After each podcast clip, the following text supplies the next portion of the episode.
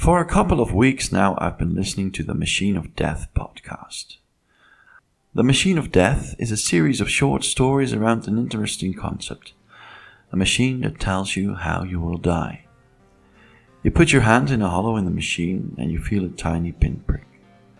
While you put your finger in your mouth or wipe the blood against your shirt, the machine does its work, and the next moment you're walking on holding a little card with your name on it and how you're going to die. No time of day, no date, no circumstances, just how. For most people, it's just one word. Sometimes it's suicide, which seems to speak for itself, but what to think of piano or almond or whim. The machine is always right, but not always in the way you would expect considering the card.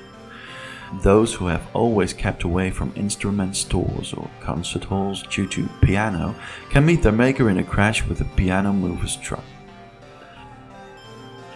Or the elderly lady with stunt plane crash who is beginning to think she's beaten the machine. She dies in the fire following the Cessna crashing on a building after an air show terribly gone wrong. The machine of death intrigues me. What does my card say? And that of my beloved? What about my children's cards? Would I really want to know it? Once you've seen it, you've seen it, it's there. You can't unsee.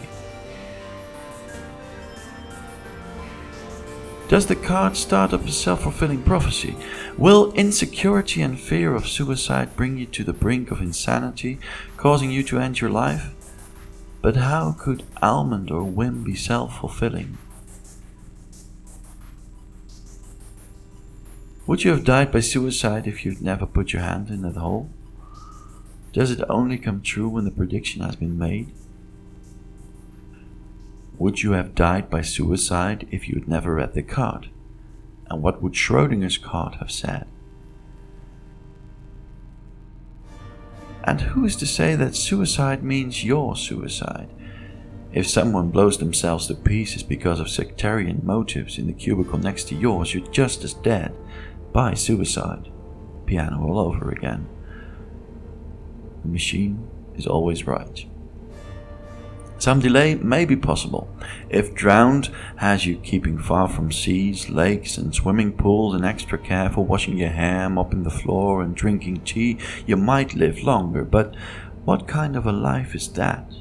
Always looking over your shoulder. Or does the flight hasten the inevitable? Do you trip, running away from drowning in the leakage at the restaurant's restroom, ending up headfirst in the aquarium? You are going to die. That's an inescapable certainty. Is there any room for any other absolute certainty without losing one's mind entirely?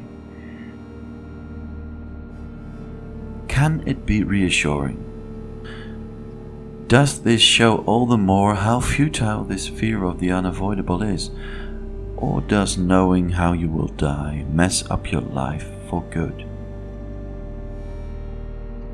You get what everybody else gets. You get a lifetime.